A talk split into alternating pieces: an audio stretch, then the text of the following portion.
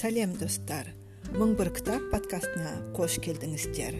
Бұл подкастта өзім оқыған кітаптарға шолу жасаймын. Бүгін януш корчик туралы сөйлесейік. Януш корчиктің шын есімі эрш хенрик голдшмит ол еврей отбасында дүниеге келеді. 1878 жылы 22 шілдеде варшавада туған. Атақты поляк педагогы жазушысы дәрігер әрі қоғам қайраткері болған. Ол еврей болғандықтан екінші дүниежүзілік соғыс кезінде қуғынға ұшырады. Соғыс кезінде варшавада 200 баламен геттоға қамалады. Оны құтқаруға болатын еді. Бірақ ол өз балаңды қалдырмайтын жерге өзге баланы қайтып қалдырып кетемін деп геттодан қашудан бас тартады. 1942 жылы 6 тамыз күні януш корчик 200 баламен бірге треблинкада газ камерасында көз жұмады. Януш корчиктің еңбектері жинақталған баланы қалай сүю керек кітабын оқыдым. Осы кітапта айтылған шағын ойлар мен кеңестерді айтып шығайын. Мынау ата анаға арналған бір жеті өсиет десе де болады. Бірінші балаңыз өзіңіз сияқты немесе сіз күткендей болады деп үміттенбеңіз. Қайта балаңызға өзін табуға көмектесіңіз. Екінші балаңыз балаңыз үшін істеген әр ісіңізге ақы сұрамаңыз. Сіз оған өмір бердіңіз. Бұның қарымтасын қалай қайтаруға болады? Ол өз баласына өмір береді. Одан немереңіз болады. Немереңізден шөбере осыдан артық қандай алғыс керек? Үшінші. Ашуыңызды баладан алмаңыз. Не ексеңіз соны орасыз. Төртінші. Ешқашан кемсітіп қорламаңыз. Бесінші. Балаңыз үшін қолыңыздан келгеннің бәрін жасаңыз. Қолыңыздан келіп тұрып жасамасаңыз кінә өзіңізден. Алтыншы. Бала бағалы құндылық. Оны өмірдің өзі сыйға тартты. Сіз оны бағып бойындағы дарын отын жағасыз. Ана мен әкеге баланың жаны аманатқа ғана берілген. Жетінші.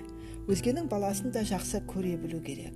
Ешқашан басқаның баласына өз балаңызға тілмегенді жасамаңыз. Сегізінші. Өз балаңызды дарынсыз бақытсыз ересек болса да жақсы көріңіз. Онымен әңгімелескенде қуаныңыз. Өйткені ол сіздің балаңыз. Осының өзі бақыт. Баланы қалай сүю керек кітабын мен орыс тілінде оқыдым.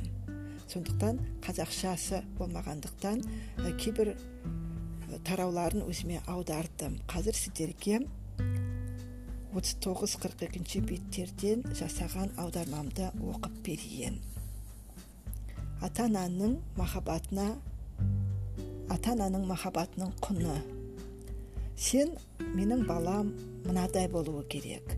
Мен оның осындай болғанын қалаймын дейсің. Оның кім болатынын таңдайсың. Өзің қалаған өмірді таңдайсың. Айналаңды кедейлік пен қарабайыр орта қоршап тұрғанында шаруаң жоқ. Айналаңда сұр өмір. Адамдардың күйбің тірлігі абыр сабыр талпыныс ұсақ шаруа күңгірт бастама түкке тұрғысыз мақсаттар. Орындалмаған тілектер ауыр өкініштер мәңгілік уайым. Барлық жерде әділетсіздік. Мейірімсіздіктен шошып екіжүздіктен тұншығасың. Азу тісі мен тырнақтары барлар қарсы тұрса әлсіздер өзінен пана іздейді. Адамдар тек жан азабын шекпейді. Сонымен бірге жаның, жаныңды жегідей жейді. Сенің балаң кім болуы керек? Күрескер ме әлде жұмысшы ма? Қолбасшы ма әлде қатардағы жауынгер ме? Немесе жай ғана бақытты адам ба? Бақыт қайда? Бақыт неде? Оған барар жолды білесің бе? Сол жолды білетін адамдар бар ма? Күшің жете ме? Қалай болжап қалай қорғауға болады? Өмірдің буырқанған тасқынымен алысқан көбелек. Ұшуды тоқтатпай қанатын талдырмауға шаршатпай күш беруге бола ма? Қабыл алмаса ше? Бас тартса ше? 15 жылдан кейін ол болашаққа қарайды. Сен өткенге. Сенің естеліктерің мен әдеттерің болса оның жаңаға ұмтылысы мен батыл үміті бар. Сен күмәндансаң ол күтеді және сенеді. Сен қорқақсың ол көзсіз батыр. Мазақ етпесе қарғамаса менсінбесе жастық әрдайым қателескен өткенді өзгертуге тырысады. Осылай болуы қажет. Сонда да іздей берсін қателеспесе болғаны.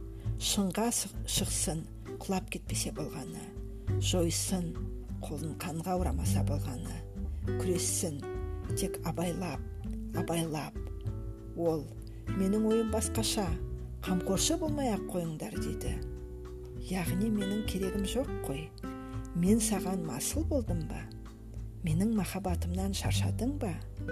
Аңғал менің балам ау өмірді білмейсің ғой бейшара. Қайырсыз. Қайырсыз. Иә рахметі жоқ. Сәулесін түсірген үшін жер күнге рахмет айта ма? Өсіп шыққан дәніне ағаштың рахметі бар ма? Өсірген анасына бұлбұл ән сала ма? Ата анаңнан алғаныңды балаңа бересің бе? Немесе уақытша қолдануға беріп тиянақты түрде пайызын есептеп жазып қайтарымын талап етесің бе? Ақысын сұрауың сүйіспеншіліктің арқасы ма? Ананың махаббаты сұрапыл апат. Адамдар оны өздеріне ыңғайлап алған. Өркениетті әлемнің барлығы мәдениет әсер етпеген бұқарадан басқасы баланы өлтірумен айналысады. Екі баласы бар ерлі зайыптылар. Олардың он екі баласы болуы мүмкін еді. Олар тумаған он шақтысының түбіне жетті. Мүмкін солардың ішінде біреуі нағыз баласы болар ма еді? Мүмкін туылмағандардың ішінде ең құндысын ең қымбаттысын өлтіріп қойған болар. Сонымен не істеу керек? Туылмаған балаларды емес туылғандары мен өмір сүретіндерін тәрбиелеу керек. Дені сау ма? Бір қызығы ол өзі емес одан да зор. Жақында ғана олардың екі жақты өмірінде баланың өміріне деген қорқыныш өзі үшін қорқыныштың бір бөлігі еді. Ол бұның тез аяқталғанын бұл минуттың артта қалғанын қалаған еді. Уайым мен қауіп қатерден арыламын деп ойлаған. Ал қазір ше? Қызық жағдай. Бұрын баласы оған жақын еді өзінікі еді. Оның қауіпсіздігіне сенімді еді оны жақсы түсінетін. Анасы бәрін білемін бәрі қолымнан келеді деп ойлайтын. Баланың қамқорлығы басқа адамдарға өткен сәттен бастап ал олар тәжірибелі сенімді және ақшасы төленген адамдар. Анасы жалғыз ең соңына ысырылып қойылғанын түсініп уайымдай бастайды. Әлем одан баласын алып қойып жатыр. Шарасыз әрекетсіздіктің ұзақ сәттерінде ана өзінен мен оған не бердім? Немен бөлістім? Не дарыттым? деп сұрай бастайды. Дені сау ма? Сау болса неге жылайды неге апарық нашар сорады ұйықтамайды тым көп ұйықтайды неге басы сонша үлкен аяғы қисық жұдырығын қатты қысып алған терісі қып қызыл мұрнындағы ақтақтар қайдан шыққан? Көзі қисық па? Неге қылық атады? Түшкіреді қақалып шашалып түйіліп қалады даусы қарлығады. Осылай болуы керек пе? Мүмкін мені алдап жүрген болар.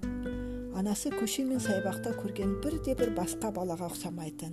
Бірақ дәл сондай кішкентай дәрменсіз тіршілік есіне қарап отыр. Шынымен үш төрт айдан кейін бұл да сондай бола ма? Мүмкін олар қателесетін болар. Мүмкін байқамай қалған болар. Януш корчикті әлі талай оқимыз талай қайтып келеміз. Сіздерге де осы кітапты оқуға кеңес беремін. Сонымен бүгін мың бір кітап подкастының тағы бір хабарын тыңдадыңыздар.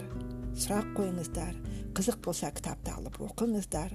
Өздеріңізге әсер еткен кітаптармен бөлісіңіздер. Күнде кітап оқиық кітап оқудан жалықпайық. Ойымыз өсіп танымымыз кеңейе берсін. Келесі кездескенше.